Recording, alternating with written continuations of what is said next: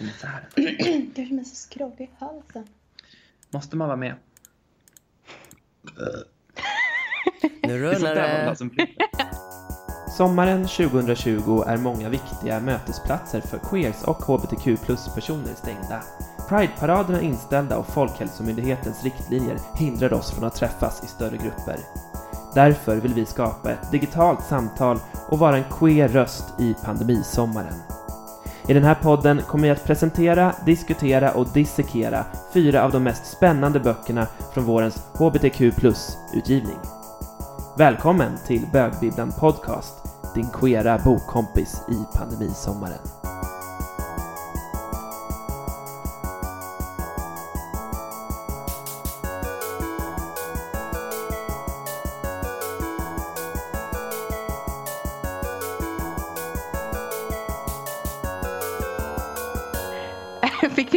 Ja, då. Spelar vi in nu? ja. Okej. Vill du börja? Jag tycker att du är så bra på att börja, för du har en sån hetsig röst. Ja, hej och välkomna till det femte avsnittet av Bögbibblans podcast. eh, hallå, hej! Hej, jag får alltid börja för jag har den hetsiga rösten har jag fått höra. Ja, jag har en normal röst. Ja, den liksom samlade och sansade rösten. Ja, så jag tänker att du är liksom en peppigare, ett peppigare intro helt enkelt. Ja, hur, hur har du fått liksom din samlade sansiga röst? Eh, jag tror inte att det är fem år på psykologprogrammet. Att den Ah, slipar ner den hetsigaste av röster. och jag som är så här fjantig högstadielärare, jag har fått min röst för att jag är så här, Du måste överrösta dina Ja. tonåringar. ja, så är det nog.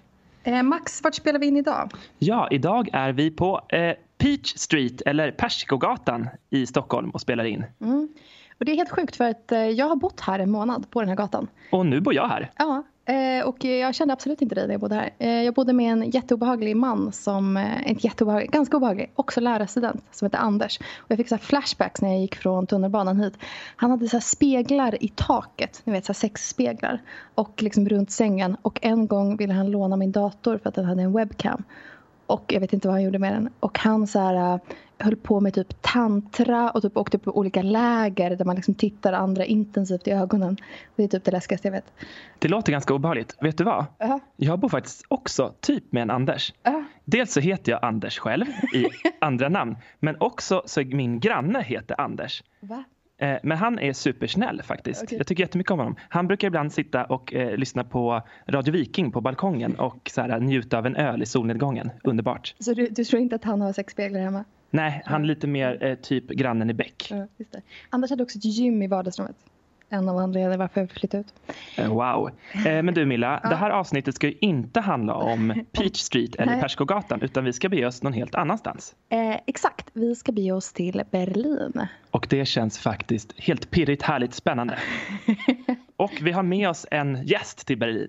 Eh, exakt, det är så jävla eh, trevligt att eh, kunna säga hej och välkommen Emil. Hallå. Eh, vår gästpoddare som spelar in från ett hemligt ställe i Malmö. Precis. Mm. Emil, eh, berätta, vem är du? Eh, oj, vem är jag? Ja, eh, jag är en eh, härlig kille på 27 vintrar som... Eh, jag var tvungen. Eh, Ja. Nej men eh, jag, just nu för tillfället så bor jag i Malmö och ja, jag brukar väl säga att jag har en fot i Malmö och en fot i Berlin. För tillfället båda fötterna i Malmö. Men, eh, men jag hoppar runt lite eh, mellan de två ställena. Men eh, ja, eh, jag håller på med musik, elektronisk musik. Jag håller på med eh, klubbkultur, arrar eh, queerklubbar eh, vid namnet Sweat som vi brukar ha i Malmö och Köpenhamn. Ehm, och sen så, mitt, projekt, mitt musikprojekt heter Sparkly Pony. Och med det eh, DJar jag eh, och eh, skapar elektronisk musik, mest eh, techno då. Ehm, Sen så ja, är du ju också ljudtekniker. Precis. Ja. Vilket är precis det den här podden behöver. ja, verkligen. Ja, men jag är glad att kunna hjälpa till. men, men jag lovar, det är inte därför jag bjuder in dig. Eh, Mm, men hur så. känner eh, ni varandra, Max och Emil? Älskar sådana stories. Ja, det sånt här är ju underbart. Jo, eh, vi möttes ju Emil för tio år sedan. Nästan Nej. exakt precis tio år sedan. Är det Eh, sant? På en Wow. eh, flygbuss mot Skavsta. Det var på den tiden man så kunde flänga fram och tillbaka till Berlin i Ryan, med Ryanair. Eh, så utan vi var, ångest. Ja, just det, utan ångest. så vi var på samma Ryanair-plan till Berlin för att gå på Berlinfestival. Och jag var ju där ensam, eller kom dit ensam och, och såg dig och ditt coola gäng. Minns Just det? det? Jag minns det så tydligt. Och du kom fram till oss och frågade, ska ni också till Berlinfestivalen? Ja, det, ja, det ska vi, sa, du, sa vi. Eh, får jag, aha, men eh, får jag hänga med? Sa du. Vi bara, ja men absolut, vi tänkte gå och käka frukost eh, i Berlin typ. Du får gärna hänga med. Typ, Okej, okay. och så hängde du liksom med oss och åt frukost. Ty tyckte ni att det var jobbigt? Nej, nej, nej, nej. jag tyckte att han verkade skitgullig, Max. Oh, eh, var det då som du somnade på en av eh, mina kompisars eh, axel? Eh, jag tror faktiskt att det var hon som somnade på min axel. Okej, okay, så pass. Ja, men det känns som att det var liksom, vi klickade ganska bra och du passade in väl i vårt queera lilla gäng. Mm. Eh, jag tror också att jag helt omedvetandes eh, råkade boka dig till ett av dina första DJ-gig också. Japp. Utan att veta att det var du. Det var ju typ sex månader senare. Eh, I Stockholm, när jag minns att jag fick ett sms från dig Eh, jag visste inte vem du var då, utan det var ett okänt nummer. Som sa, hej hej Emil, eh, det här är Max, jag jobbar med Queertopia-festivalen, jag fick ditt nummer av eh, som vi har gemensam eh, som vän. Och jag tänkte fråga om du vill eh, spela på en av våra stödfester.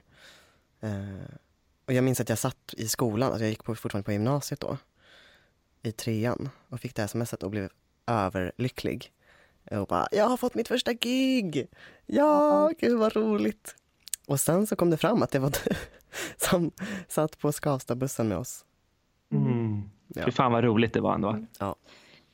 Eh, och vi har ju träffats i det här fallerade festivalprojektet Femtech som vi har pratat om i ett avsnitt. Precis. Du och jag är med. Ja. Men sen har vi också bott i Berlin samtidigt. Exakt. Ja, det, det är så glad för. Mm, jag med. Att vi började hänga. Eh, Säger man Institut für Sexu Sexualwissenschaft? Wissenschaft? Sexualwissenschaft? Uh, Institut für Sexualwissenschaft, ja. Ja. Och Nollendorfplatz. Mm. DDR? Eh, du kan säga det på svenska, va? Eh, dagens avsnitt handlar ju om Nätterna på Vinterfältplats, en bok av Elin Bordy som kom ut i år. Eh, och eh, den boken utspelar sig i Berlin eh, och därför vill vi ge er en liten eh, bakgrund till det Berlin som boken utspelar sig i. På Wikipedia så kan man läsa att Berlin är Europas gay-huvudstad. Och tydligen finns det ingen annan stad i Europa med så stort utbud för queers. Även om homosexuella relationer alltid har funnits har uppfattningen om vad homosexualitet är och betyder varierat, liksom orden vi använder för hbtqi plus-personer.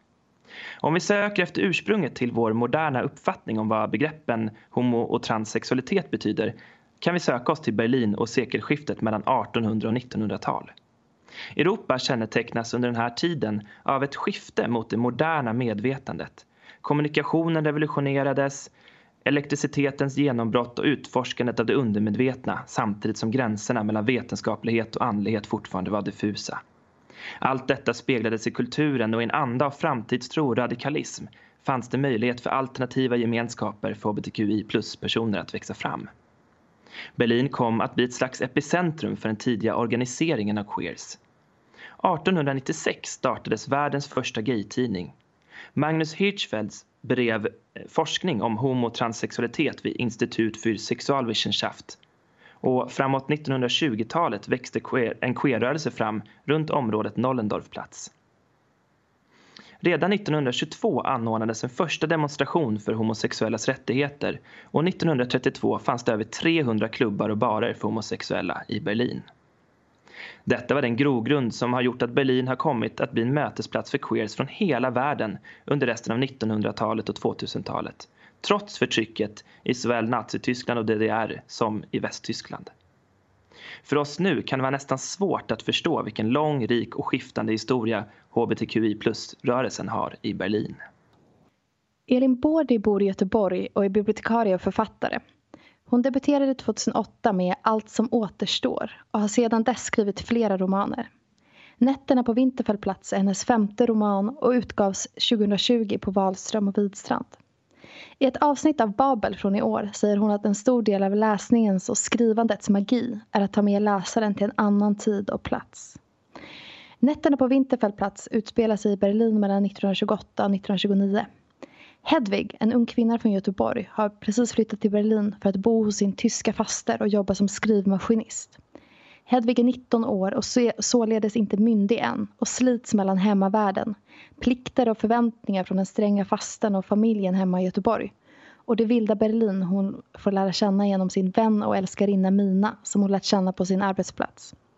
Mina tar med henne till krogar, kaféer och kabaréer och till sina vänner Florian och Heinz som bor i en lägenhet på Vinterfältplats. Där får hon lära känna homosexuella, transpersoner, utländska journalister och författare. Och där träffar hon även en person som hon inleder en relation med.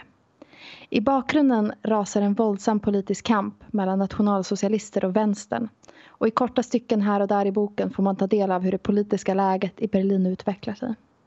Läsaren får följa Hedvigs frigörelse från fängelset hos fasten till ett eget boende, ett friare liv där andra val och identiteter är möjliga. Ja, tack Milla för presentationen. Vad, eh, vad tänker ni liksom att den här boken handlar om? Eh, ja, men jag, jag tänker att det är liksom en ganska klassisk eh, sån utvecklingsroman. Eh, som handlar om att bli vuxen, att hitta sig själv, om att slå sig fri. Eh, alltså identitetssökande.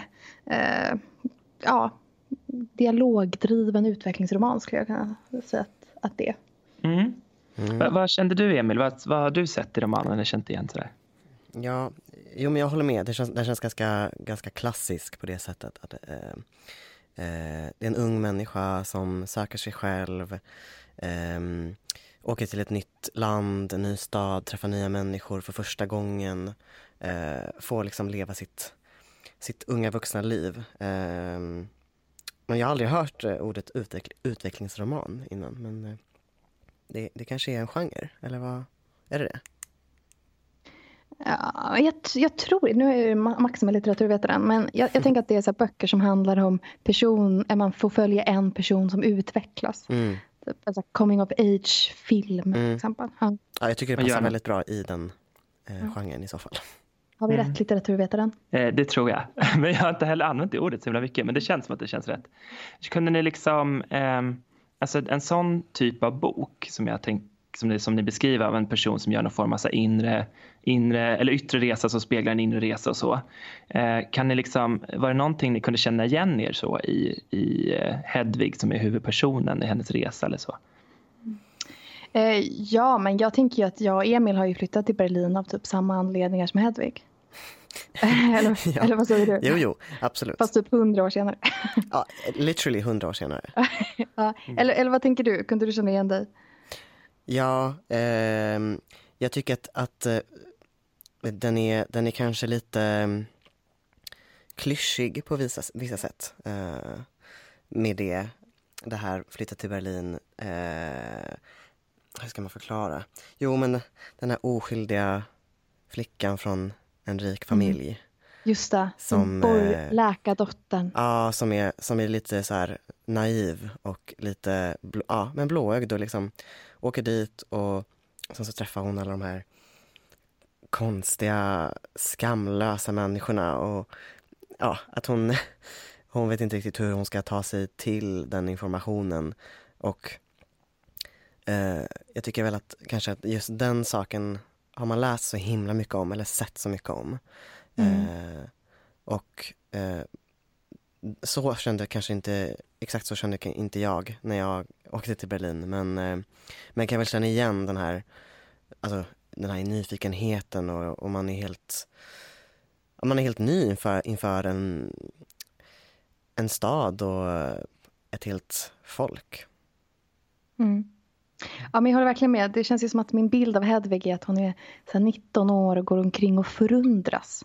Och, och har inte så mycket personlighet själv.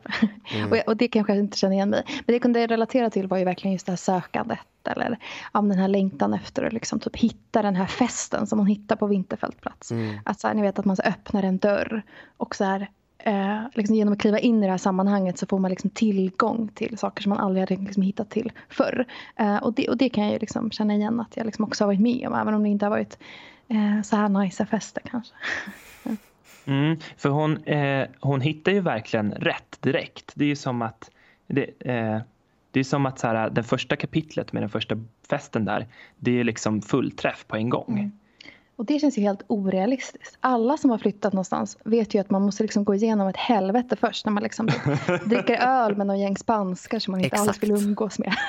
Hon har ju inte gjort det. Nej, hon har inte gjort det. Det, är, det är, inte, och det är orealistiskt. och mm. orättvist.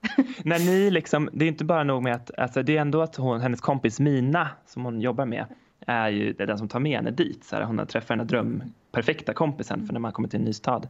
Hade ni några sådana kompisar som bara plockade upp er på jobbet och så här, kom nu till mina, dina drömmars värld? Du hade väl det lite, Emil? Jo, jag hade definitivt en sån eh, som eh, jag bodde med. Och eh, vi hade inte träffats innan, vi, utan vi, vi pratade på Skype. Eh, för att jag hade hört genom en kontakt att den här personen sökte någon att bo med. Och vi klickade direkt. Och sen så när vi såg så bara, ja, det funkade 100 procent. Det var, det var så bra. Så vi, det var en sån äkta sån vänskapsförälskelse. Eh, eh när man mm. bara, ah, jag vill bara vara med dig hela tiden och gud det här är så himla mysigt och roligt och kul. Och, eh, och den eh, eh personen eh, visade mig runt ganska mycket och, och jag fick träffa alla dens kompisar och fick se dens sammanhang. Så absolut, jag, jag, kan, jag kan verkligen relatera till, till den biten. Mm. Ja, jag, jag tyckte i alla fall från mitt utifrån perspektiv att så här, du hade mer en sån upplevelse av att så här, en person på något sätt öppnar en dörr. En, sån dörr, en dörröppnare person. Eh, jag hade inte liksom riktigt det på samma sätt. Men nu senast när jag bodde där så bodde jag också med min flickvän som jag liksom redan kände. Så jag hade inte heller det här eh, ja, men jag var inte 19 år och, och, och vilsen i staden och red, redo att bli upplockad på samma sätt kanske som, som Hedvig var. Mm. Eller som du var kanske. Eller som jag var. Ja. Det känns lite som att typ ett, ett mål som, eh, som Elin Bordi kanske hade med den här boken var att fånga någon sån där slags här frihetskänsla eller den här hungern liksom, när man upptäcker en ny stad och, och att liksom hon, hennes mål kanske var liksom att, typ, att det skulle vara den lyckade fullträffen. Så. Tycker ni att hon lyckas liksom skildra det där äh, perfekta eh, tillståndet när man upptäcker en ny stad och allt bara är glädje? Där? Att ni, känner ni, kände ni den känslan i boken? Eh, jag, tror inte att det är hennes mål. Mm. Vad intressant om du tänker det. Jag, jag tror att hon vill eh, skildra the struggle. Typ att behöva bryta med sin familj, att ha pengaångest, att eh, typ eh, komma underfund med sin sexualitet. Jag tror att det är det hon vill eller försöker skildra men liksom inte riktigt lyckas med. Mm. Oj, hårda ord. vad, vad säger ni? Ja, jag, jag tycker att um, jag har faktiskt lite svårt att känna den känslan av att det är tufft. Um, det känns som att de ja, det skildras väl ibland, uh, som du säger, pengaångesten, um, behöva skildras, alltså skiljas från sin familj. Um, men hon hitt, alltså, det är det här, hon hittar ett, ett rum väldigt lätt och alltså jag vet inte, sen så är det också en annan sak att det är en annan tid, vi är en helt annan tid. Vi kan ju inte veta, vi kan omöjligen veta hur det var att leva i Berlin under den tiden. Saker kanske var enklare, saker kanske var på det sättet som beskrivs. Men jag, jag får inte riktigt den här, Gud är så tufft, jag måste verkligen kämpa så mycket för att det är kämpigt att flytta utomlands. Det är kämpigt att inte känna någon, börja på ett nytt jobb, och, um, leta efter boende. Saker blir fel. Uh, uh, där, där kände jag kanske att jag hade önskat se mer av den biten och hur man, hur man tar sig vidare efter det. Och, och också hur, att det är viktigt är en viktig del av, av det hela. Mm. Ja, men jag håller verkligen med. Jag tyckte inte heller att, att, eh, eh, att eh, till exempel en scen när hon är ensam i, kvar i Berlin över jul och typ käkar potatis. Och det är en jättesorglig scen. Hon har liksom på något sätt behövt, liksom, eh, inte helt klippt banden, men behövt lämna sin familj i Göteborg för att kunna eh, leva det liv hon vill leva i Berlin. Och så, så är hon liksom ensam på jul. Och det är en så sorglig scen. Och, och tänker att jag, jag är en gråtis jag borde liksom grina till det här, men jag gjorde verkligen inte det. Jag tycker överlag att det var så att jag kunde liksom inte riktigt känna hennes rädslor eller oro. Och så mycket av alltså mina anteckningar kring det här är att jag liksom tror inte eh, riktigt på henne. Alltså hon tar kokain för första gången. Eh, och har typ ingen så här vånda typ kring det, varken före eller efter. Om så här, vem är hon nu? Vad, vad innebär det här för henne att hon har liksom tagit droger? Eller hon träffar en liksom transperson för första gången. Hon visste liksom inte ens vad det var. Men det är typ inga så här frågor eller ja, men typ, jag vet inte, hon har ju lite liksom oro att hon ska förlora sin plats i det här gänget för att hon hamnar ju i husarrest hos den här fasten. Eh, men det är också som att jag kan liksom inte känna det. Förstår vad jag menar? Mm. Jag kan mm. liksom inte så här, det känns inte så här, psykologiskt trovärdigt på något sätt. Jag kan liksom inte leva mig in i det. Eh, likadant när hon blir hjärtekrossad. Känner ingenting. Eller att hon ja, har den här eh, ja, lite odefinierade relationen med, med Mina, den här bästa kompisen. Eh, som också är, liksom, alltså de är bästa vänner men de har också en sexuell relation. Den mm. verkar hon också helt så här, typ inte fundera kring. Den, eh, det, det, tycker jag, om jag får avbryta, eh, mm. att jag, tyck, jag tycker också att just den biten, den, för, den förstår jag inte och jag saknar verkligen eh, mera, mera djup i just den relationen. För att eh, man får egentligen ingen, det är egentligen inget fokus eh, överhuvudtaget på hennes sexuella relation med den här väninnan. Eh, Ja, och jag undrar om det är det avsiktligt kanske? Eh, att författaren kanske ville att det inte skulle bli en stor grej. Att ja, jag eh, har sexuella relationer med, med, olika kön, olika personer. Eh, min bästa kompis råkar vara en som jag eh, ligger med.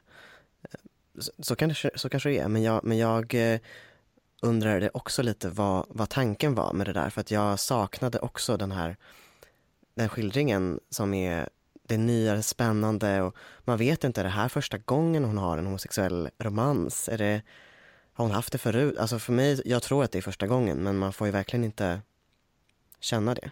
Mm. Men jag håller helt med, jag har så svårt att föreställa mig att, att hon har kunnat haft en så okomplicerad relation till det alltså 1928. Det är liksom inte ens människor idag, alltså så queera personer, mm. eh, eh kan så här obekymrat ligga med sin bästa kompis utan att fundera över vad det säger om ens identitet. Ja, och jag tänker bara på, jag tror att vi alla, alla som är hbtqi plus-personer eller överhuvudtaget bara så här, livet som händer för alla, att det där är typ så här, första kärleken eller, och framförallt för så här, eh, oss som queers, så här, hitta andra queers. Alltså hur det är, så här, är totalt livsomvälvande från en, an, en, en ensam plats till en inte ensam plats Alltså det är helt totalt existentiellt. Mm. Eh, så på så vis känns det också ganska otrovärdigt. Mm. Och det jag antecknade själv när jag läste, det var liksom att så här, det känns som att det finns så många bra idéer till bra scener. Jag håller med. Men de är så korta. Det bara hastar vidare. Så här. Man bara, det kommer som en uppladdning och sen så är det liksom inte ens en halv sida så trodde man att det som skulle vara typ ett kapitel bara är förbi. Eh, så mm. som ni är inne på också. Mm. Eh, och detsamma gäller faktiskt lite dialogerna.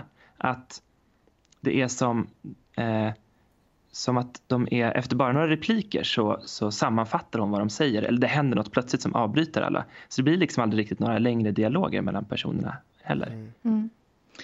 Eh, verkligen. Och, och, jag vet inte om, om det är att man, jag liksom projicerar min, mina egna känslor inför att liksom ha flyttat till nya städer. Um, Liksom, precis som du är inne på, att det är livsomvälvande att liksom, hitta ett queert sammanhang men det är också livsomvälvande att flytta till en ny stad och det är så mycket som är så skört. Och jag tycker det är så konstigt, eh, jag kan typ inte förstå att hon liksom inte är orolig för saker. För jag älskar Berlin men Berlin är också alltså, oroa sig för att inte passa in eh, eller att inte komma in på någon klubb eller ha på sig fel kläder eh, för liksom det sammanhanget man har hamnat i. Och det är som att hon liksom hon bara går omkring i den här stan helt utan någon typ av ängslan över att inte tillhöra. Eh, som känns så här... Eh, eller, jag förstår hur jag menar. Att, mm. att så här, jag, jag, kan typ, jag tror liksom inte på att, att någon har flyttat till Berlin eh, och, och inte oroat sig över sådana saker. Eller typ någon 20-åring någonsin. Ja, alltså, ja, bara, bara det. Ja. Mm. Um, men så, ja, jag vet inte mycket som... Ja, det är vass kritik. ja, eh, det, det, är det faktiskt. Men jag, jag, håller helt med Max att, att jag trodde ju att jag skulle älska den här boken. För att så här, ja, men dels liksom eh, i att jag verkligen kan relatera till den här önskan som Hedvig har eh, och den här längtan efter liksom så här, en annan plats, att hitta någonting annat, att hitta någonting som är sitt eget, att bygga någonting eget. Um, men också liksom att jag är väldigt nyfiken på, på den här staden och på den här ja, men mytomspunna tiden. Eh, så, så, jag undrar, vad tycker ni om liksom själva Eh, alltså jag har inte läst någonting om Elin Bård innan men hon har ju skrivit en del historiska romaner. Jag tror att romanen hon skrev innan det här handlar, eller utspelar sig på 1300-talet. Um, ehm, och som jag nämnde i inledningen så är hon just intresserad av att försätta läsaren uh, i andra liksom så, historiska epoker. Uh, hur tycker ni att hon har lyckats med det? Alltså, där, där tycker jag att hon har lyckats ganska väl. Um, jag skulle säga att det är det som jag tycker mest om med boken. Att eh, jag, känner, jag ser framför mig eh, scener ur ett berlinskt eh, 1920-tal. Eh, jag, jag, kan verkligen se det framför mig och det gillar jag jättemycket. Jag tycker att det är, det känns väldigt speciellt att få vara i, i den staden under den tiden. Eh, det, det för mig gjorde mycket och eh, jag tyckte att det kändes väldigt mysigt. Det var, det, det var för mig en mysfaktor att, eh, att, att se de här bilderna, att eh, ja, men få, som jag, som jag sa, få en bild av hur, hur det kunde eventuellt se ut på den tiden. Mm. Eh, jag älskar ju så här homohistoria så jag tycker det är väldigt roligt med typ alla eh, referenser till den samtiden. Eh, och eh, jag tycker eh, eller jag är särskilt fascinerad av så Magnus Hirschfeldt i allmänhet. Eh, så på så vis var det liksom så här kul att eh, Alltså det är på något vis här en tid just mellankrigstiden i Berlin som du säger är mytomspunnen. Det finns ju en hel del skildringar också och det känns ju som en väldigt kul eller intressant liksom ansats med just den här svenska göteborgskan som flyttar dit så eh, Eh, och utforska det. Så på så vis tycker jag att hon har lyckats. Men jag tycker kanske inte heller, ja det kanske kom till liv. Samtidigt så kanske jag inte har varit tillräckligt mycket i Berlin för att se platserna framför mig. Mm. Eh, jag tycker att... Eh, jag tänker så att Hedvig hade liksom inte kunnat åka någon annanstans och och någon annan tid. Så jag tänker att liksom det i sig är intressant. Att hon hade inte kunnat åka till Paris för det hade varit någonting annat. Hon hade inte kunnat flytta till New York för det hade varit någonting annat. Om hon hade flyttat till Berlin idag hade det varit någonting helt annat. Så jag tänker att liksom det är jag ändå nyfiken på på något sätt. Att så här, det är ju en, en tillvaro som är väldigt speciell. Så här, man har eh, ja, men nazister tågar på gatorna typ samtidigt som man har vad du sa, 300 liksom, queera klubbar i stan. Så det är ju en, det är en väldigt liksom, speciell plats att försätta en romankaraktär på. Um, men jag, jag, tycker inte att hon lyckats liksom, levandegöra det här för mig på något sätt. Och, och jag, jag, klagade lite på det här när jag pratade med någon um, nu, nu när jag läste den. Uh, och så pratade vi om så här, vad, vad, är liksom, vad är det som gör att miljöbeskrivningar är bra eller dåliga. Och um, landade i att eller, det jag tycker är liksom problemet med de här miljöbeskrivningarna är att de känns så generiska för så städer. Liksom inte så Berlin-specifika men inte heller eh, så specifika för den här tiden. Till exempel, nu kommer jag inte ihåg men typ, min känsla är att miljöbeskrivningar är typ Kajorna skränar i toppen på kastanjen. Det luktar korvmoj och avgaser. Alltså, förstår ni? att det är liksom det är varken Berlin eller den här tiden som skildras utan bara någon sån jag, vet inte, jag tänkte typ att det var en sån AI som hade genererat miljöbeskrivningar och urbana miljöer. Det var min känsla. Aj, aj, aj, aj, aj. Jävlar vad hårt. ja, fan förlåt. men ja. det som, förlåt, eh, men det jag tänker är som gör den till att placera den i tiden det är ju de konkreta referenserna till att så här, mm. nu var det valet 1928 så här, nu, nu referensen till det här institutet eller när de promenerar i Tigarten. Men Eh, men som du säger så hade det kunnat vara tigerarten när som helst mm. också. Mm. Mm.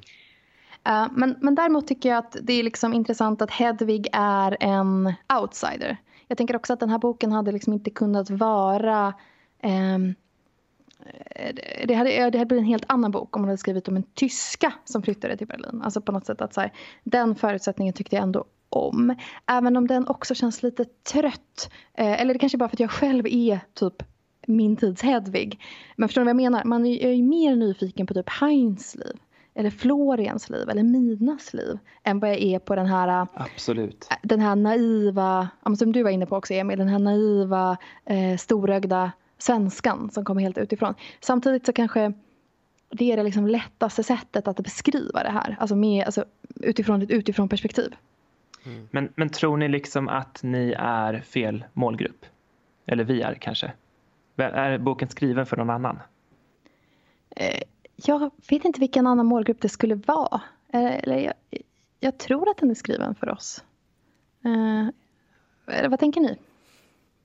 Jag tänker fortfarande att, jag tänker att det kan vara för en, um, en, yngre, en yngre publik. Um, kanske sen, sen tonår.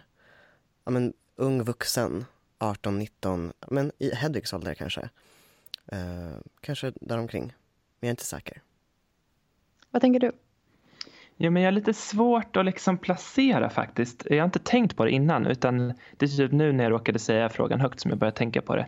Eh, men det jag tänker är liksom att eh, det, jag, jag fick också en känsla av att att den här typen av, låt oss kalla det utvecklingsromaner, när vi har bestämt att det är en sån, eh, att, att det skulle vara typ en, en lite yngre läsare samtidigt som jag tänker typ så här eh, alltså de har ju också typ, alltså det här med att de så sitter och spelar jazz och typ pratar om hur man ska dricka absint på riktigt. Det är också mycket sådana grejer som jag tänker så här, eh, kanske också är så här, vad betyder det att dricka absint på riktigt innan man har druckit absint? Alltså förstår ni att det är typ så här inslag i boken som jag tänker också här, där kanske man inte har en uppfattning om vad det skulle betyda som mm. tonåring. Eller jag menar, jag hade inte druckit absint när jag var 20. jag har aldrig druckit absint. Eh, ja, men jag vill bara säga någonting. Eh, jag var redan inne på det här med karaktärerna innan. Eh, att jag, jag, är liksom mer nyfiken på de andra karaktärerna. Eh, Fan vad jag är sågaren här idag. Man, eh, du sågar Hedvig. jag, jag sågar mycket i boken.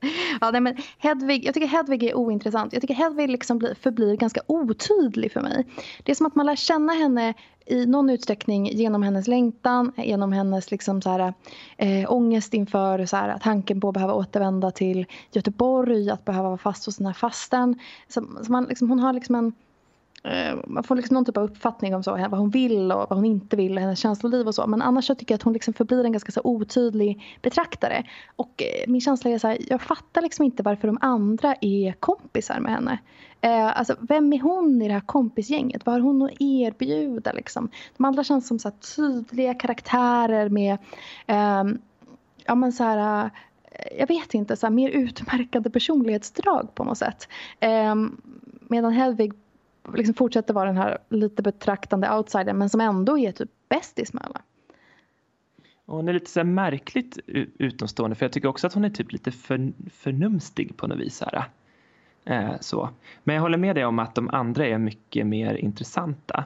Eh, och är den jag typ tycker är mest intressant, det kanske, eller ja, en av de tycker mest om det är Irvin eller Ervin. Eh, eh för att han har ju någon slags så här, djup verkligen i sin karaktär. så. Eh, och jag, jag tänkte också jag, jag, säga, uh, Irvin är uh, en person som uh, har varit med om en uh, krigsneuros. Säger de, va? Han har krigat i första världskriget och har precis. en kärleksrelation med Hedvig i början av boken. Ja, och jag skulle nog säga att det personporträttet är ganska lyckat. så. Uh, och jag tänkte på det att det finns en scen, den första scenen som jag verkligen så här fick ett läsflow i, då hade det nästan gått typ 100 sidor i boken. Då, uh, det är när han fyller år och det är en konflikt på hans födelsedagsmiddag mellan två av hans vänner uh, där egentligen Hedvig typ inte säger någonting eller man glömmer bort att hon är där. Och det var typ första gången jag fick ett så här, tappade bort hur många, eller blev förvånad över hur många sidor jag hade läst plötsligt. Mm. Så. så det kanske också är lite symptomatiskt. Mm. Just det. Uh, vad tyckte du om karaktärerna, Emil? Um, jo, jag håller med också om, um, om att jag tycker att Hedvig är Hedvigs karaktär är ganska platt. Jag, jag får, ingen, jag får ingen, ingen ordentlig känsla kring, uh, kring vem hon är. Um, sen så jag, jag, är väl, jag tycker att Heinz och Florian verkar vara superhärliga. Uh, snarare, eller mest Heinz. Eh, vi var inne lite på, på att eh, Florian eh, kändes som en ganska typisk eh, bög som inte bryr sig om politik. Vill du utveckla den, Max? den idén? Ja. ja, men precis. Det, är så här, det finns en scen också där när, när Mina, eh, den lesbiska kompisen, eh, när det är dags för val och hon liksom vill kolla att, eller fråga liksom alla röstat och blir upprörd över så här, att det, de är lite oengagerade rent politiskt och han vill liksom helt eh, ignorera diskussionen eller bara lämna den bakom sig eh, eller inte delta i den. Och där, där tänker jag att så här, det finns en typ, där har, där har hon plockat upp eh, stereotyperna av liksom den icke-politiska bögen och den politiskt engagerade flatan. Mm. Så. Och där tänker jag också att Sarah Heinz har, tycker jag, mer djup än Florian. Florian känns också eh, som en så representant för någon form av så här, eh, fabulös mm. homofil mm. alla 30-talet. Just det. Som typ eh, dricker bubbel och typ spelar jazz och typ har en cigg i eh. mungipan när han spelar piano. Och, typ, och är jättesnygg och har typ kostym hela tiden. Mm. Dandy, han är ju ja. verkligen en dandy. Mm. Eh, och Heinz är väl lite mer eh, liksom, han har ju kontakt med institutet och liksom lite mer. Han är superpolitisk. precis, han är lite mer medveten, eller ganska mycket mer kan man säga. Ja. Mm. Så jag, jag, tycker att han, hans karaktär är ganska, ganska spännande. Jag hade gärna lärt känna honom mer så att säga han och Florian är ju då tillsammans och eh, Florian verkar ju lida en hel del av psykisk ohälsa och man får inte veta så mycket mer än att Heinz finns där vid hans sida och eh, ja, försöker, försöker vara en bra partner och försöker hjälpa till så gott det går. Eh, det är liksom mörkret av de här festerna som sker hemma hos dem och eh, de, de verkar vara ett väldigt härligt festpar och de har jätteroligt tillsammans. Och de bjuder till de här fabulösa festerna men sen så finns det här mörkret bakom. Och, och man får ju inte se, jag, tyck, jag, tycker inte man får uppleva så mycket av kanske Florians eh, psykiska ohälsa.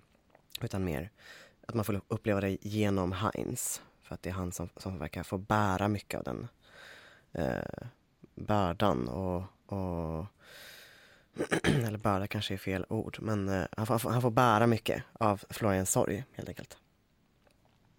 Mm. Um, men det här får mig tänka på ett, ett, ett, tema som jag funderade på när jag läste eh, boken och det var ju det här med relationerna till familjen. Jag vet inte om ni tänkte på det. Men det är ju många av de här karaktärerna som liksom hänger där på Vinterfältplats eh, som på ett eller annat sätt har varit tvungna eh, eller liksom valt att bryta med sina familjer.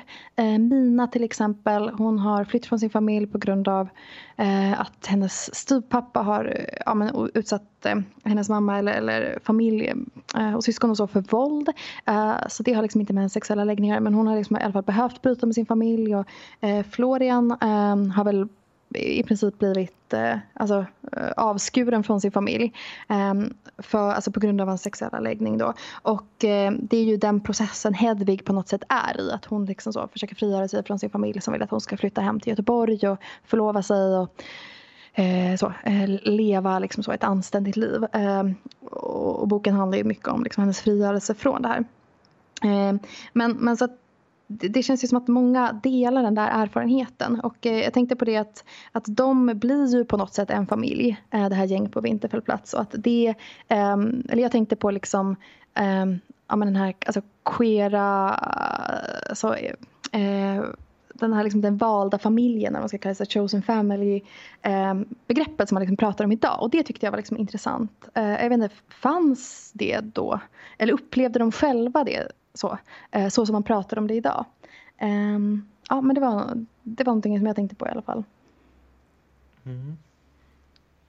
Ja, jag har ju faktiskt en... Eh, min morbror har ju delvis liksom gjort den lilla, eller haft den typen av eh, chosen family själv faktiskt. Eh, som var, påminner kanske lite, jag vet inte om ni har sett eller läst Torka aldrig tår utan handskar, men när de firar jul. Mm. Och så var det ju verkligen så här för han och hans gäng i Stockholm fast kanske 70-tal. Så jag skulle inte vara så förvånad om den och det där mycket, mycket längre tradition faktiskt. Mm. Och sen så finns det faktiskt en, eh, en eh, avhandling, en svensk avhandling, jag tror att det är en avhandling i vart fall, en bok som heter eh, Såna som oss. Eh, den handlar om eh, homosexuella svenska män som eh, arbetar på Amerikabåtarna. Eh, för det var tydligen väldigt vanligt under första halvan av 1900-talet. Eh, kanske tidigare än så också. Eh, och de var ju liksom, lämnade ju alla sina familjer. Eh, och jag tror man har sett det också mycket så här i typ allmänhet i servicebranschen i stora städer i Europa. Mm. faktiskt. Så jag skulle inte vara förvånad om det, om, om, även om man inte använder det ordet eller det begreppet då, att det fanns en sån idé. Mm. Okay. Och, och, den här idén med att så här, äldre pub, eh, på något vis adopterar yngre mm. eh, flator och bögar. Liksom, att det var någon form av så, socialt eh, ansvar mm. att ta. Vad intressant. Okej, okay. Eh, är, ni, är ni redo? Japp. Eh, Eh, ja, men jag har ju eh, hatat mycket på boken. Eh, men det betyder inte att jag liksom ogillar allt mer. Utan det fanns verkligen saker som jag tyckte att Elin Bård fångade bra. Och en av de sakerna är ja, men den här slitningen som Hedvig upplever. Eh, liksom mellan på något sätt hennes båda hem, eller hennes identiteter, hennes förflutna, hennes nutid. Och det här är när hon är på väg från Göteborg, eh, eh, eller från Berlin till Göteborg för att hälsa på. På tåget från Berlin hade hon suttit och fantiserat om hur det skulle bli att komma hem. Hon hade tänkt att hon skulle prata med sina föräldrar om att hitta ett hyresrum. Kanske inte moden till att börja med, men med sin far. Kanske skulle han kunna säga Ja, vad? Åtminstone att han skulle fundera på saken. Hon hade föreställt sig hur hon skulle lägga fram sina argument. Mycket lugnt och att han skulle lyssna. Att han skulle minnas sin studietid och förstå hennes längtan. Men sedan kom hon hem och huset slöt sig tätt omkring henne. Hon satt vid middagsbordet och samtalen var långsamma och vardagliga. Ingen frågade, men hur har du det egentligen? Inte ens hennes bror. Och Hedvig betraktade sin mor och förstod med ens att hon inte kunde säga ett ord om hyresrum. Det var otänkbart. Kraften i insikten fick henne att tappa andan ett ögonblick. Hon dolde munnen bakom sältersglaset, drack mycket långsamt det kalla vattnet, försökte att andas normalt. Det kom några dagar med regn och mulet väder och Hedvig lånade sin fars oljerock och gick ensamma promenader längs havet över klipporna. Det väckte henne ur den dåsiga och panikslagna stämningen som grep hem om henne när hon satt i soffan, i trädgården vid matbordet. Att hon aldrig skulle komma därifrån. Alltså det som är, jag tycker att stycket fångar så himla bra, det är att det visar på en av de, eh, de goda sidorna med boken. Och det är det här när, när hon skriver liksom lite mer allmängiltigt och försöker fånga den här liksom lite större känslan av att liksom eh, inte har frigjort sig eller att vara fångad på, i sitt jag just nu eller inte kunna komma loss från den plats man är på. Eh, och det tycker jag att hon skildrar bra i den här episoden som du läser nu. Och, och det gör hon också i det där stycket som du nämnde förut när hon sitter som i husarrest hos sin faster i Berlin. Eh, och, och, det är intressant att, att, när, när hon vågar gå lite så här eh, touchar de här lite bredare känslorna eller allmängiltiga känslorna så kanske så blir det på något vis bättre än när det är så här de här väldigt specifika sammanhangen i Berlin kanske. Så. Mm. Just det. Ja, men det, jag vill bara ha mer av sånt. Mer djup. Gräv i det där. Ja, och det kanske vore värt att läsa någon mer bok av henne för att se om det finns något mer, alltså av Elin Bordy, för att se om det finns mer av det i någon av hennes andra böcker. Mm. Mm. För det är ju faktiskt bra, bra skrivet. Mm. För, för ibland så har jag liksom känslan att hon blev så, bara så förtjust i de här karaktärerna. Så det är typ att hon själv vill underhålla sig själv för att hon vill hänga med dem. Ja, man kan nästan fråga sig, är Hedvig Elin? Mm. Hmm. Jag tror inte det. För då hade hon skrivit Hedvig som en mer levande person. Tror jag. Är Hedvigs fascination Elins fascination? Mm.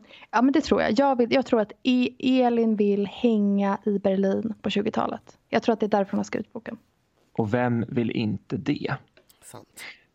Apropå eh, sådana skildringar från Berlin på 20-30-tal eller mellankrigstid eh, så, så tänkte jag på eh, Christopher Isherwoods eh, Farväl till Berlin jag vet inte om det jag läst den, men det är en ganska kort roman, kanske 150 sidor. Och det är den som Cabaret-filmen baseras på. Eh, och eh, det tycker jag är en annan sån Berlin mellankrigstidsskildring som, eh, som ni borde läsa i så fall. För den tycker jag fångar eh, väldigt bra den stämningen som jag tror var i Berlin då. Och framförallt lite den här undergångsstämningen som, som, som fanns under eh, nazisternas, nazisternas liksom framväxt. Nu är den skriven av Christopher Isherwood som levde där under den tiden så det är klart att det var lättare för honom att beskriva det så. Men det tycker jag är väldigt bra. Mm. Mm. Spännande. Kul med tips. Ska vi prata mer om Berlin? Ja! ja. Oj, nu spräckte jag väl era hör hörlurar där hemma men det, jag blev så glad. Emil, vad är din relation till Berlin? Oh, Berlin är ju verkligen en eh, kärleksstad för mig. Det, jag, jag, har, alltså jag har den klyschan verkligen. Jag vill flytta dit direkt efter gymnasiet. Det var min, eh, min dröm. Jag ville verkligen göra det. Eh, av olika anledningar så blev det inte av. Eh, utan det tog ett par år eh, för mig att innan jag faktiskt flyttade dit. Men, eh, men jag har ju varit där väldigt mycket och eh, varit ute mycket på, i klubb, klubbvärlden och ja, alltså det finns ju ingenting annat. Eh, det finns ju inget som är likt klubbvärlden i Berlin någon annanstans mm. i världen. Så för mig var det en jätte en, en jättestor grej att få gå på klubb i Berlin när jag var typ 19. Eh, och ja, man kanske var en liten Hedvig ändå. jag tänkte faktiskt på det nu när du pratade. Jag bara, just det är ändå kul hur eh, vi, eller jag eller, eller vi alla tre, du, jag och Hedvig, har typ gjort samma saker som Hedvig. Man åker ja. dit, man träffar massa feta människor, man går på fest. Uh, man, man, typ uh, är på något lite hemligt ställe, jag vet inte. Mm. Uh, rädd för polisen. Ja. Mm. så, så det verkar inte ha förändrats mycket på hundra år. Mm. Att det är liksom samma saker som liksom på något sätt drar i Berlin nu som då. Exakt, exakt. Nej, men så min, min relation är väl det. Jag har, jag har alltid velat flytta dit. Det tog ett tag innan jag gjorde det. jag gjorde det och sen av olika anledningar så är jag ju tillbaka i Malmö nu.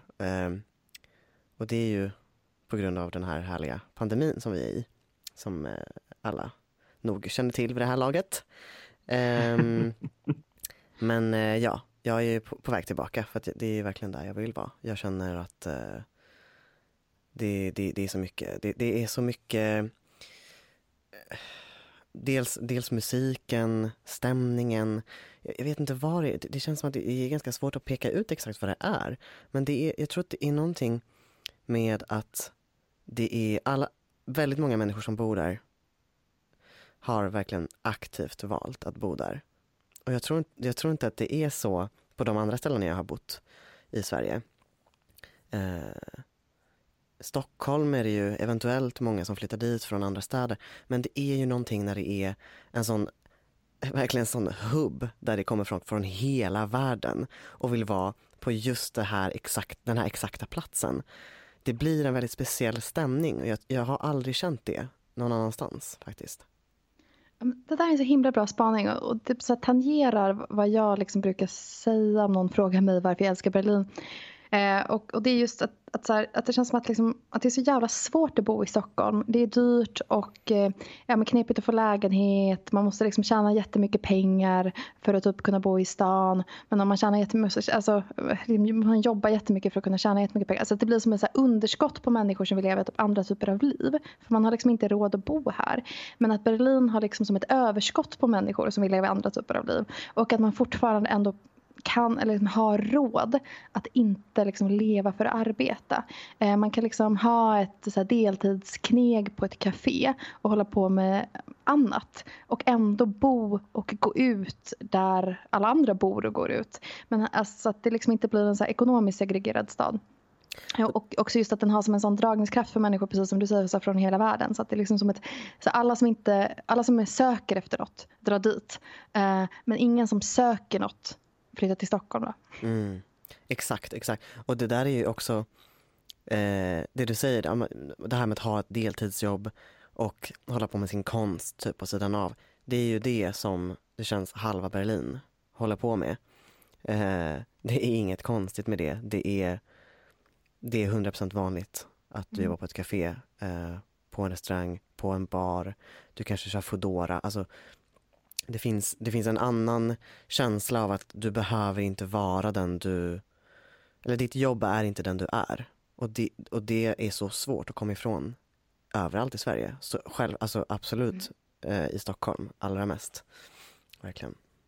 Eh, Jag tycker typ en annan grej som jag liksom också så här, men, kämpa med att förmedla är alltså på ett sätt för att jag vill liksom inte heller så bara prata om typ fest för det är liksom verkligen inte bara det Berlin är för mig i alla fall. Alltså att det är så mycket annat såklart så här, ja, men konst, kultur, liksom intressanta människor och så vidare. Men, men jag älskar typ ändå att vara i Berlin och att, att så här, ja, men jag brukar typ tänka på att, så att alltså, det är massa tråkiga saker blir drägliga att göra för att jag har ett val. Eh, typ som en söndag när man liksom typ hänger tvätt. Klockan är tre.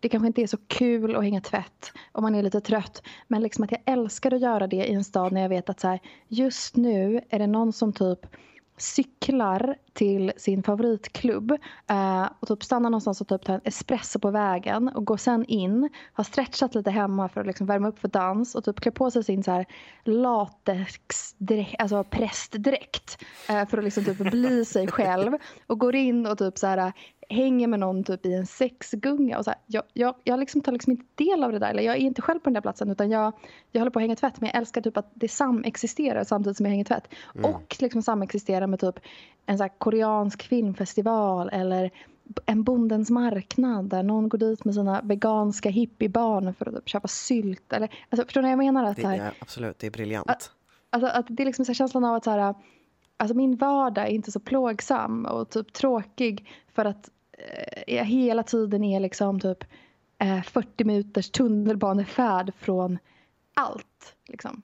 Mm. Uh, kan du känna igen det? Absolut, absolut. Jag känner verkligen, det är den här, man vill ha valmöjlighet. Har man haft det en gång i livet, då är det svårt att klara sig utan det. Jag tror att det är det som är så svårt när, med, med, när man har bott i Berlin och sen återvänder, i vårt fall då till Sverige. Att de valmöjligheterna finns inte. De är, de är borta. Det, är, det kommer vara 72 andra hushåll som håller på och hänger tvätt samtidigt. Kanske någon som tittar på en film. Någon som lagar lite middag. Det är inte så mycket mer. Och det är det som är så jäkla tråkigt och därför jag söker mig bort. Um, det, är, det är ju det. Man vill ju komma bort. Man vill man vill bort från, från Svenssonlivet liksom, för att det är ju precis allt förutom Svenssonliv i Berlin. Vet du, det är jättespännande det ni beskriver om så här vad, att, att komma bort från någonting och komma till något annat. Och du, du Milla var ju lite inne på så här, att Berlin på något vis gör din vardag mer värd eller intressant bara för att det är så mycket som pågår runt den. Eh, jag, jag, är lite så nyfiken på, jag tänker på, så här, eh, på eh, boken vi läste och att så här, hon Elin Bordy vill liksom typ ta med sina läsare till andra platser och tider och få dem uppleva dem. Om, om ni skulle liksom vilja ta med oss till något tillfälle i Berlin som ni tyckte var så här fantastiskt. Skulle ni, skulle ni kunna liksom plocka ut något ur minnesbank som ni bara, det här var kvintessensen av när jag mår som bäst i Berlin? Jag, jag har ett sånt eh, ögonblick, ögonblick, jag är typ lite eh, så osäker på om jag kan förmedla typ, eh, så här känslan, men jag kan, jag kan ge det ett försök. Och det var min första sommar som jag bodde i Berlin så hade jag en ehm, ett, ett kompis som jag hade liksom hängt med i Dublin för några år tidigare som hälsade på mig. Vi hade inte setts på flera år. Um, han var från Italien och bodde hos mig och vi skulle ut på klubb uh, på natten. Men, men, vi var väldigt nervösa för att inte komma in. Ett mytomspunnet ställe som heter Berghain som har typ världens strängaste dörrvakter. Men så hade vi liksom fått för oss i alla fall att det skulle vara lättare att komma in om vi, om vi gick dit typ fem på morgonen eller typ sex på morgonen. Eller någonting. Så vi, eh, vi var jättetrötta, vi hade turistat hela dagen. Det var en lördag. Uh, så kom vi hem och så var det supervarmt. Det var liksom så augusti, typ stekhett ute. Och sen så somnade vi i, i om sängarna och sofforna liksom i min lägenhet. Och sen så vaknade vi typ tio i tio Eh, och klockan tio stänger i princip alla matbutiker och sen är de liksom inte öppna förrän på måndagen. Eh, så vi bara springer ut helt så sömndruckna för vi insåg att vi måste liksom köpa frukost. Vi ska liksom vi ska klubba så här, hel dag. så, så vi springer till en så här, matbutik eh, som ligger i ett ganska stökigt område i, i Cottbus um, med, eller liksom med kanalen där med, med jättemycket trafik och sådär. Eh, så springer vi dit så hinner vi liksom precis in på minuten egentligen tio.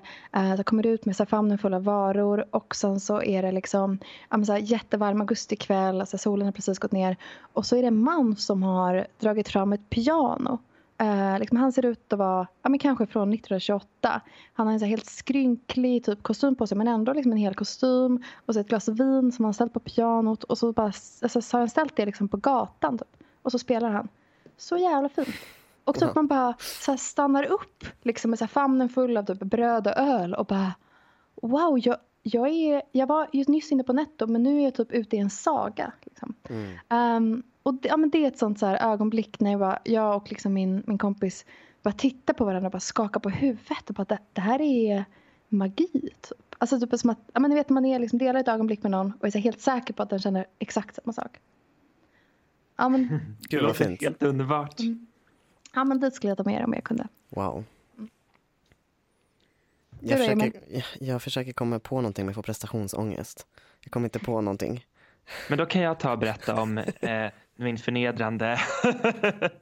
när jag var där, eller jag var där faktiskt en gång eh, för ett år sedan och eh, i tre timmar när jag bytte tåg på väg hem eh, till Sverige och gick till Tiergartens nudist solbadställe, vilket är underbart. Men innan dess hade jag inte varit där sedan 2012 när jag faktiskt också var där med dig Emil och fick för mig den här oerhört puckade idén att jag skulle tatuera Ampelman på mitt ben. Eh, Max. Och alla bara, jag bara, det är så himla coolt och roligt och jag är så ironisk och allting går hem och jag kan göra vad jag vill. Eh, jag kommer alltid kunna bära upp det här. Så jag bara, inte så här lite, min kompis gjorde stoppgubben, lite litet på foten. Inte jag heller. Skitstort, kanske 15 centimeter i höjd, illgrön på mitt ben. Inte så här oh, diskret bara, på låret utan så här nere på vristen, mm. syns jämt. Finns så ingen räddning. Och jag har liksom tänkt på det här nu år ut och år in. Så här, vad i helvete ska jag göra med den? Och jag har fortfarande inte träffat en enda människa som har kommit på typ någon annan lösning än bara så här, tatuera över skiten med fucking vad som helst. Om någon där ute vet vad man gör av en ampelband på benet så hör av er. Typ en stor jag... rektangel typ i svart. svart. Enorm ah, det låter snyggt. Nu är den typ lite för stor känns som den här för att det skulle gå att täcka med rektangel på mitt ben. Alltså ni förstår hur stor den är, den här illgröna ampeln. Jag minns väldigt tydligt när du kom hem med den. Eh, alltså när vi var i Berlin tillsammans och du hade gjort den här tatueringen och kom hem till eh, vår lägenhet eller hostel eller vad det nu var vi bodde. Eh, och bara, kolla vad jag har gjort. Och jag kände bara, åh nej. Men vad ska man säga? Alltså, man kan ju inte säga, fy fan, vad har du gjort? Det är för sent. Jag Nej, trodde också att du skulle göra en, en liten... nästan så, fast snällare, lite snällare ord. Oj, vad stor kanske jag sa. ja, något sånt tror jag. Den var lite större än vad jag tänkte mig. Ja, ja men eh, så är det ibland.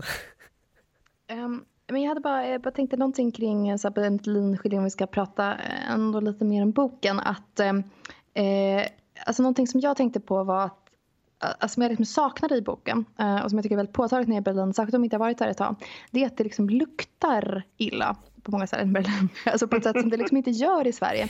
Um, Typ på tunnelbanan, så här, man går ut i en bank för att ta ut pengar. Alltså typ så här, många så här, offentliga platser som, som luktar illa. Och då har jag typ underkänsligt luktsinne tror jag. Och, och ändå liksom reagerade på det. Så jag tycker typ att det, det var något som jag saknade i boken. Att så här, det, det, är liksom ingenting som är äckligt i boken. Det är ganska mycket som är äckligt i Berlin. Det är så smutsigt mm. eh, och typ jobbigt. Det är så sjukt, sjukt kallt inomhus eh, på vintern. Alltså fortfarande. Eh, och det måste ha varit ännu kallare på liksom 20-talet. Man kan liksom inte känna den här kylan. Och också så här, jag vet inte, hade de dusch? De måste ha varit liksom ganska så här sunkiga och snuskiga. Typ, jag vet inte, så här, sexet som beskrivs är också väldigt så här rent. Äh, är ni med på vad jag mm. menar? Mm. Eh, det, är också, så, alltså, det är mycket, alltså, eh, trots min kärlek, det är också väldigt mycket som är väldigt jobbigt med Berlin. Alltså, förutom för de här grejerna, det är också liksom alla de här skrikande tyskarna. Man får typ skäll så fort man rör sig ute i trafiken. Ja, Eh, så förstår ni vad jag menar? Mm. Alltså att, liksom att det är en så dimension av staden som jag liksom inte alls tycker förmedlas i boken. Ja, jag håller med. Jag håller med. Jag hade också velat, eh, velat eh, få, få se mer av eh, de så kallade Berliner Schnauzer. Eh, de sura berlinarna, de som, som skriker på dig vad du än gör, som väldigt gärna vill sätta dig på plats. Eh, det har jag fått uppleva väldigt mycket under, under den, de gångerna jag har bott i Berlin. Eh, och inte då pratat tyska och inte kunnat ge svar på tal, utan bara märkt att de är arga på mig av olika anledningar och inte har några som helst problem med att säga det till mig. Ja, det, det hade jag gärna velat eh, se mer av. Och jag tycker också att liksom så här, klubbarna känns ju också väldigt så här Ja, men här, här, kan man ju liksom, så här kan man vara på en klubb och så känns det som att så här, det är samma typ av luftkonditionering som att, som att man är på typ ett hotell. Förstår ni? Det mm. luktar typ fräscht på dansgolvet. Men, men i Berlin att det är så rökigt och så här dålig ventilation. och eh, Eh, man får liksom röka inomhus på många ställen och att det liksom luktar så här gammalt, typ, gammalt gummi. Typ. Men också väldigt fattigt framför allt. Alltså, ah. Jag tänker att det var ju extremt fattigt på den tiden. Eh, jag tycker inte man, man, man, får känna av den, eh, alltså, den, den känslan heller av att det är ont om pengar. Eh, man har inte råd med hyran, man har inte råd att gå ut, man har inte råd att eh, köpa champagne hela tiden men det känns som att de har det väldigt mycket. Och det är kanske lite svårt att ta in för att eh, själv när man var 21 så kanske man inte hade råd att, att dricka champagne på, på den lokala krogen eh, varje, varje fredag. Mm. Vad tror ni, ni var inne lite på så här, vad det är som gör Berlin till en så fantastisk stad för er och att det har att göra med att det är så många människor som har eh, som vill bo där och verkligen har sökt sig dit. Eh, finns det, eh, finns det no har ni några tankar om liksom vad som gör Berlin till en bra stad just för oss queer hbtqi plus personer? Mm. Um, ja, jag, jag, tänker att, uh, att man, kan, man kan fortsätta på samma linje där. Att det är extremt många som har aktivt uh, sagt sig dit och det gäller ju också då uh, i allra högsta grad queera människor ehm, från, från alla delar av världen. Det, det, är någonting, det är någonting med att det är en sån eh, Dels en fristad såklart som vi har pratat om Eh, men också en mötesplats. En mötesplats för, för alla konstiga människor och inte bara queers. Alltså det, det är väl det att jag känner ju i Berlin, i Berlin känner jag mig så extremt eh, normal jämfört med vad jag kanske känner mig hemma i Malmö. För att, och det jag menar med det är väl att eh, det är, alltså det konstiga är extremt eh, mer vanligt i Berlin och man, man, har fått se, man har fått se och man har fått höra väldigt många knäppa grejer som man inte kanske möter så mycket i sin vardag i Sverige. Eh, så att det, det tänker jag är väldigt speciellt att du som, du som kanske är, ses som jättekonstig här hemma i Sverige kommer antagligen inte alls vara konstig i Berlin. För det finns mycket konstigare saker. Och det tycker jag är superhärligt. Mm. Jag vet inte om det är liksom svar på din fråga men jag tänker att alltså förutom att Eh, alltså Berlin, ja men, ja men den här tiden liksom som vi har pratat mycket om nu, liksom 20, alltså mellankrigstiden, alltså framförallt 20-talet i Berlin. Eh, den är ju Eh, alltså det är ju stadens historia på något sätt. Eh, men det fortsatte ju också eh, liksom vara liksom en alltså typ av fristad också under eh, uppdelningen. Um, som jag har förstått rätt så i, om man bodde i Västberlin, alltså Västberlin låg ju som en ö i liksom östra, alltså Östtyskland eh, som var omringat av eh, Östtyskland på liksom alla sidor. Um, och um, de var liksom så här, liksom på något sätt isolerade där. Jag tänker att det liksom, alltså, bara den så här, ö-nationskänslan liksom, kanske eh, bidrog till att så här, det var typ lite andra regler som gällde i, Västberlin liksom jämfört med liksom resten av Västtyskland. Att så här, de eh, ja, skapade på något sätt sina egna förutsättningar. Eh, föreställer jag mig i alla fall. Eh, men en grej som ehm, faktiskt var annorlunda var att, att om man bodde i Västberlin så slapp man göra lumpen. Medan om man bodde i Västtyskland, alltså övriga Västtyskland, då behövde man göra lumpen. Så det var också många så här vapenvägrare till exempel mm. som flyttade till Västberlin. Eh, och så många så här, politiskt aktiva. Alltså i Kreuzberg, en så här, ja, central del i Berlin, så jag tror att liksom i under eh, alltså något år, liksom några år på 80-talet var var tredje liksom, lägenhetskomplex ockuperat. Så att det har ju liksom haft en så väldigt en så stark historia av liksom politiskt motstånd och, eh, och sådär. Som, som liksom också eh, lever kvar i staden idag. Alltså, som Emil var inte, inne på, liksom inte bara liksom så bland queera människor utan också så här, eh, de protesterar ju mot allt hela tiden. Typ. Mm. Eh, och nu vill vi eh, stycka av en bit av den här parken. Bara, nej, typ hela staden liksom, gör uppror. I Stockholm skulle typ ingen märka. Typ. Och så kunde, så här, halva Hagaparken skulle kunna vara typ, byggt så här, med så här, hotell och gym typ. Och folk skulle bara oj. Typ. Vad hände? Mm.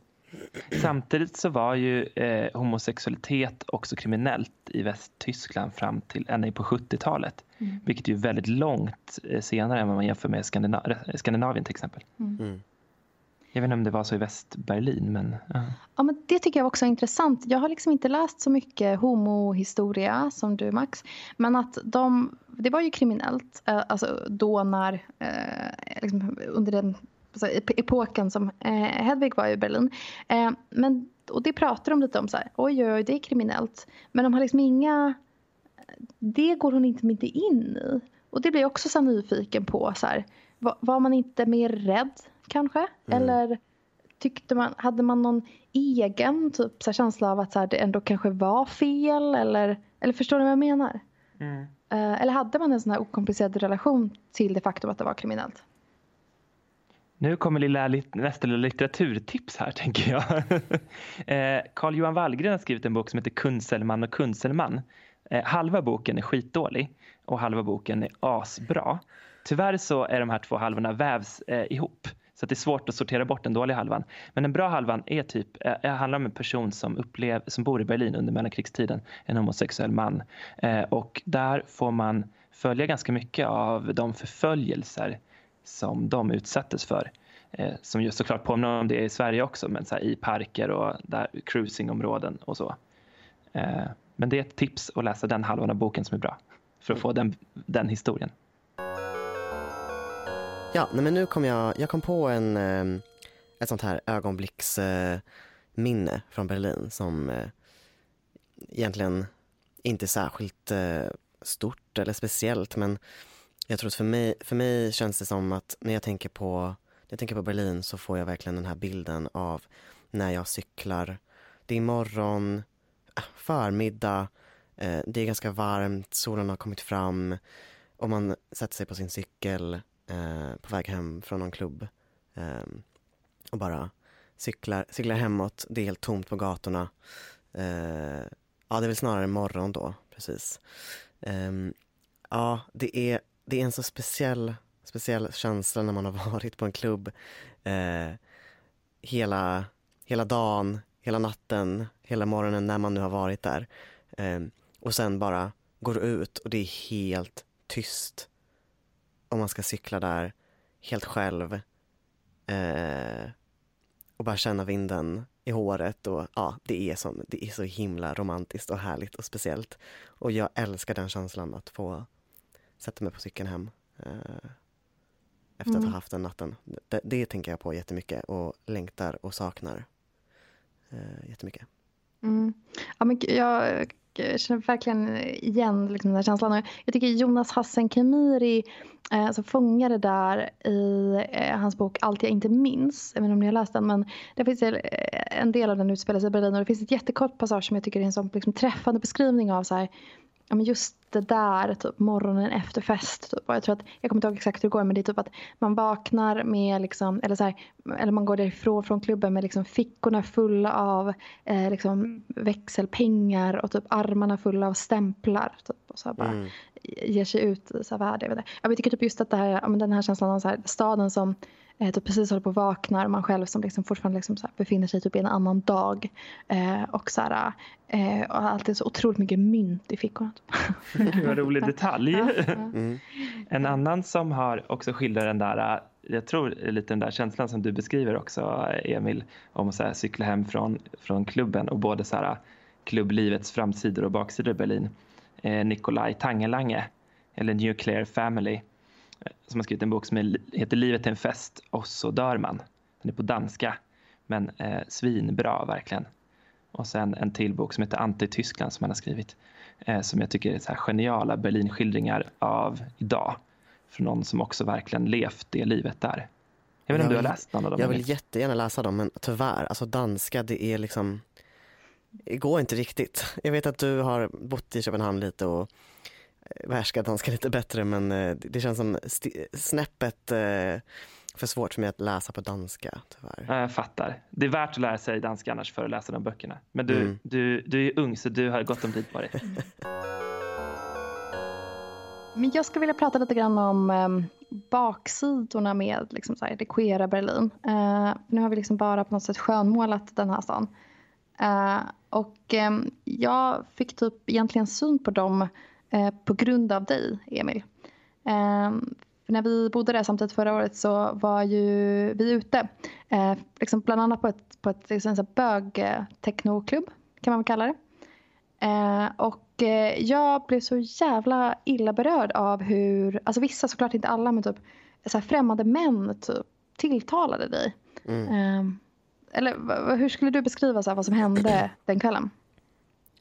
Jo, nej men absolut. Um, jag tycker verkligen att, att det är jättevärt att, att ta upp det. Um, just den här, dels att det finns en, en extrem uh, överrepresentation av bögar i, uh, i, i Berlins uh, queera, queera scen, så att säga.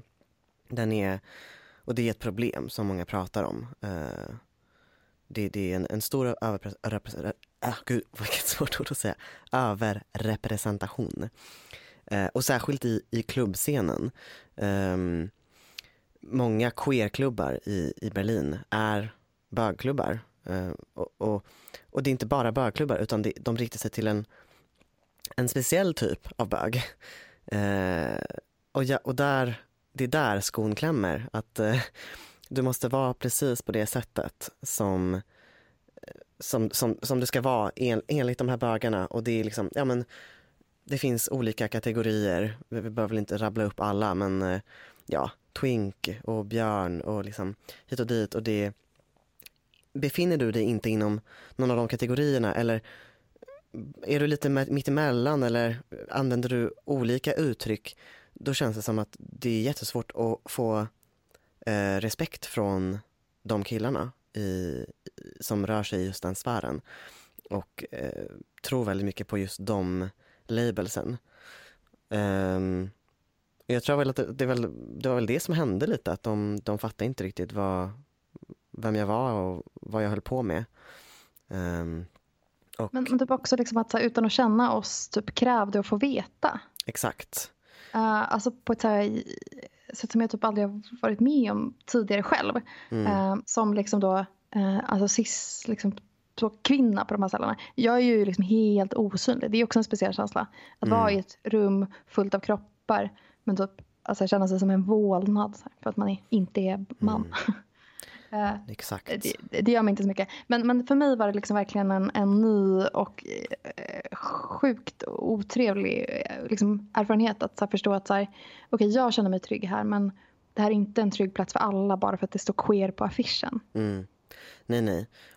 och, och särskilt, inte, särskilt inte för transpersoner. Um, jag menar också de gångerna jag har varit ute med, med flera kompisar eh, varav flera är transpersoner och icke-binära och och så, um, så har vi ju, det har ju blivit väldigt märklig stämning för, just som du säger, många har blivit helt osynliga för att de inte passar in i den där bilden uh, av den queera, ja mannen ska man ju säga. Och uh, det var supermärkligt. Jag tror den gången när jag var ute med mina kompisar just den kvällen um, kände, där fick jag en sån wake-up call också. Bara, Oj, det är inte bara fun and games. Det är, jag må vara ändå accepterad i många sammanhang men de här personerna som jag tar med mig som, inte passar, en, som passar in ännu mindre än jag i, i den rollen, de, de får verkligen inte ta plats. De blir aktivt eh, diskriminerade. Eh, det, och där kände jag, det här är riktigt ruttet. Eh, så är det på ganska många ställen. Eh, jag är så jävla ledsen att eh, det behövde hända. Men jag är ändå på något sätt tacksam att här, jag fick se det. Eller så, ta del av det. Och, um, um, för att jag tror att det har liksom verkligen, eller jag vet att det har verkligen så nyanserat min bild av Berlin och så hur jag pratar om den här världen. För att jag tror att jag liksom hade mycket mer så här, åh, alla är så välkomna, typ. Alltid en stor kram, typ. Um, mm. uh, känsla innan. Uh, men sen har jag också liksom pratat med andra eh, eh, ja, men bögar som kanske inte heller liksom typ gymmar sju gånger i veckan och typ lever på typ chack och sig utan som, så här, mm. ja, men som inte passar in i den här normen, som inte är väldigt muskulösa, alltså väldigt maskulint kodade, eh, som inte har på sig en, en specifik typ av kläder. Eh, att de också liksom, att det är lätt att känna att man sticker ut så, för att mm. man inte har en, en viss kropp eller en viss typ av behåring. Verkligen, verkligen. Sen tänker jag en annan sak som också är superviktig att ta upp är ju eh, droganvändandet i queervärlden i, i Berlin. Eh, det är ju extremt, extremt högt och det, som många kan förstå, får ju sina konsekvenser. Eh, det är ju extremt många som dels blir väldigt blinda, tänker jag, för sin eh, Eh, för sitt eget användande, droganvändande. Och det, för det, finns, det, det, finns på något sätt alltid någon som är värre. För att det festas så mycket och det knarkas så mycket hela tiden i Berlin.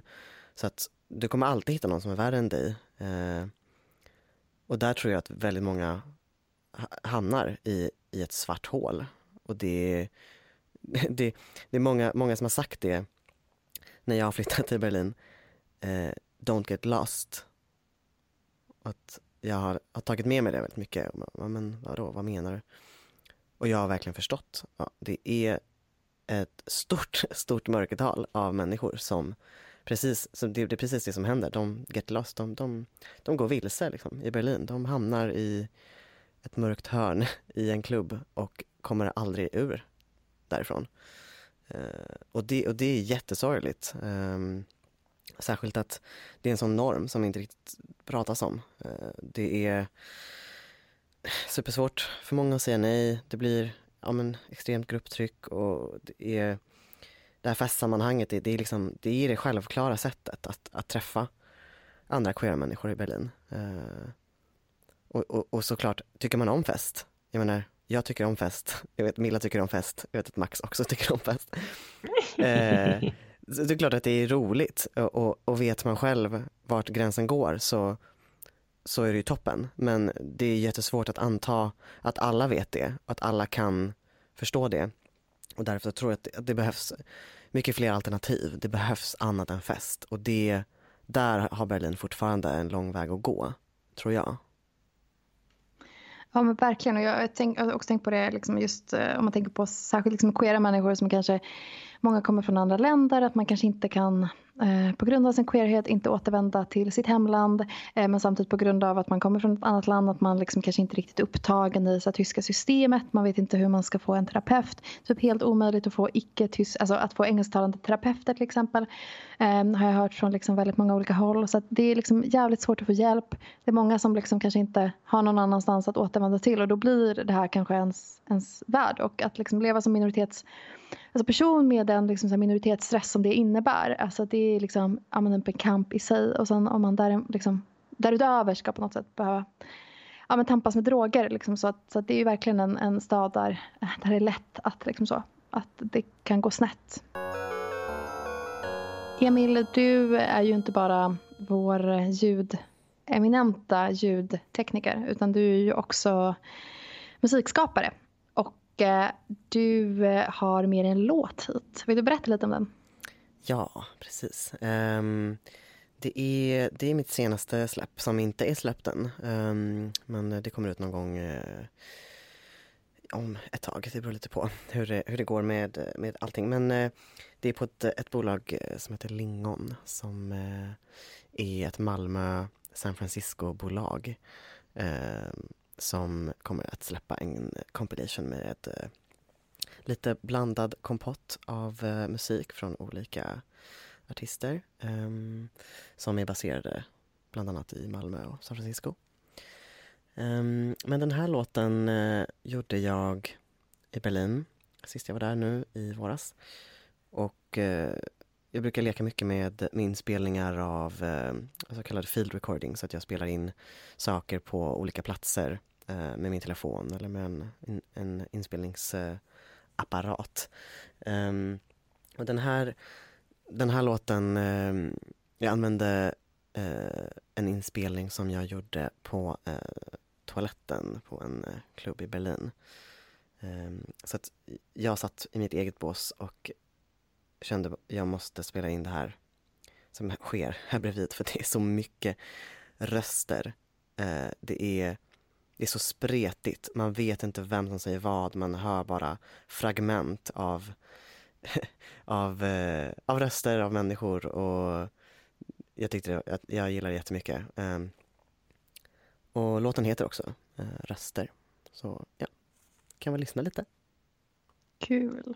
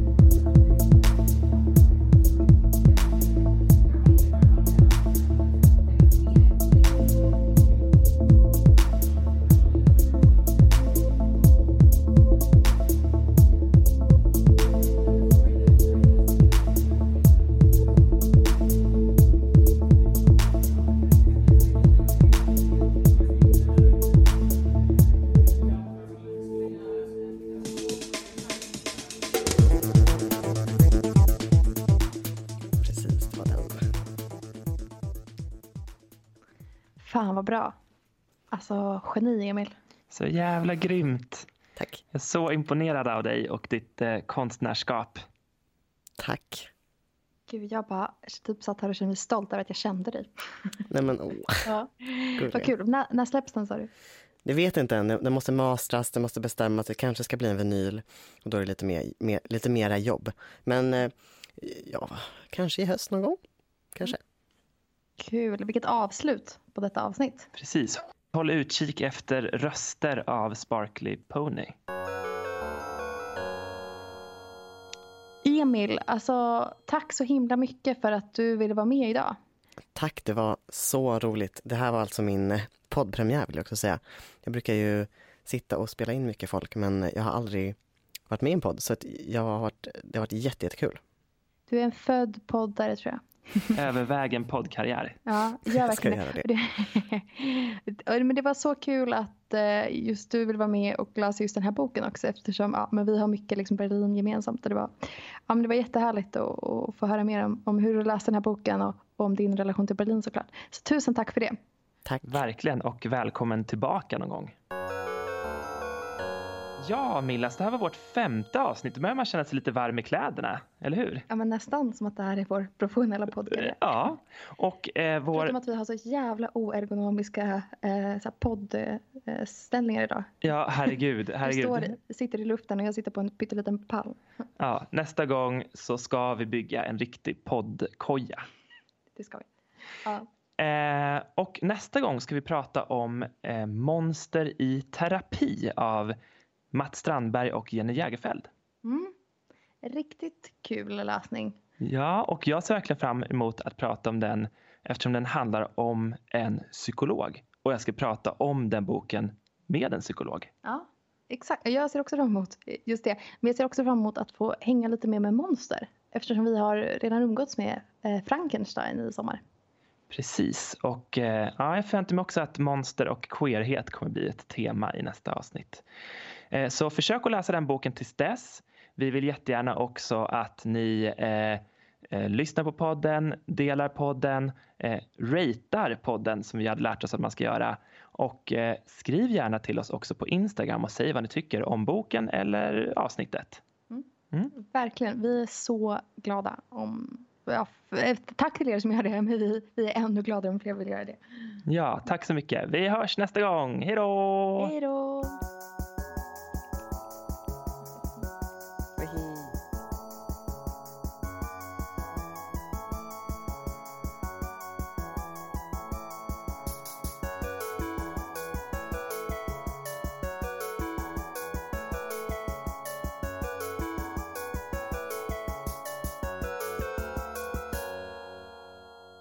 Du har lyssnat på Bögbibblan Podcast med Milla Läsknen och Max Bjuggfeldt och i det här avsnittet hade vi Emil Götberg som gäst. Anna Hed har gjort eh, vignetten, Emil Götberg har gjort musiken vi hörde i avsnittet och Fred Söderblom har gjort den fina illustrationen. Klipp.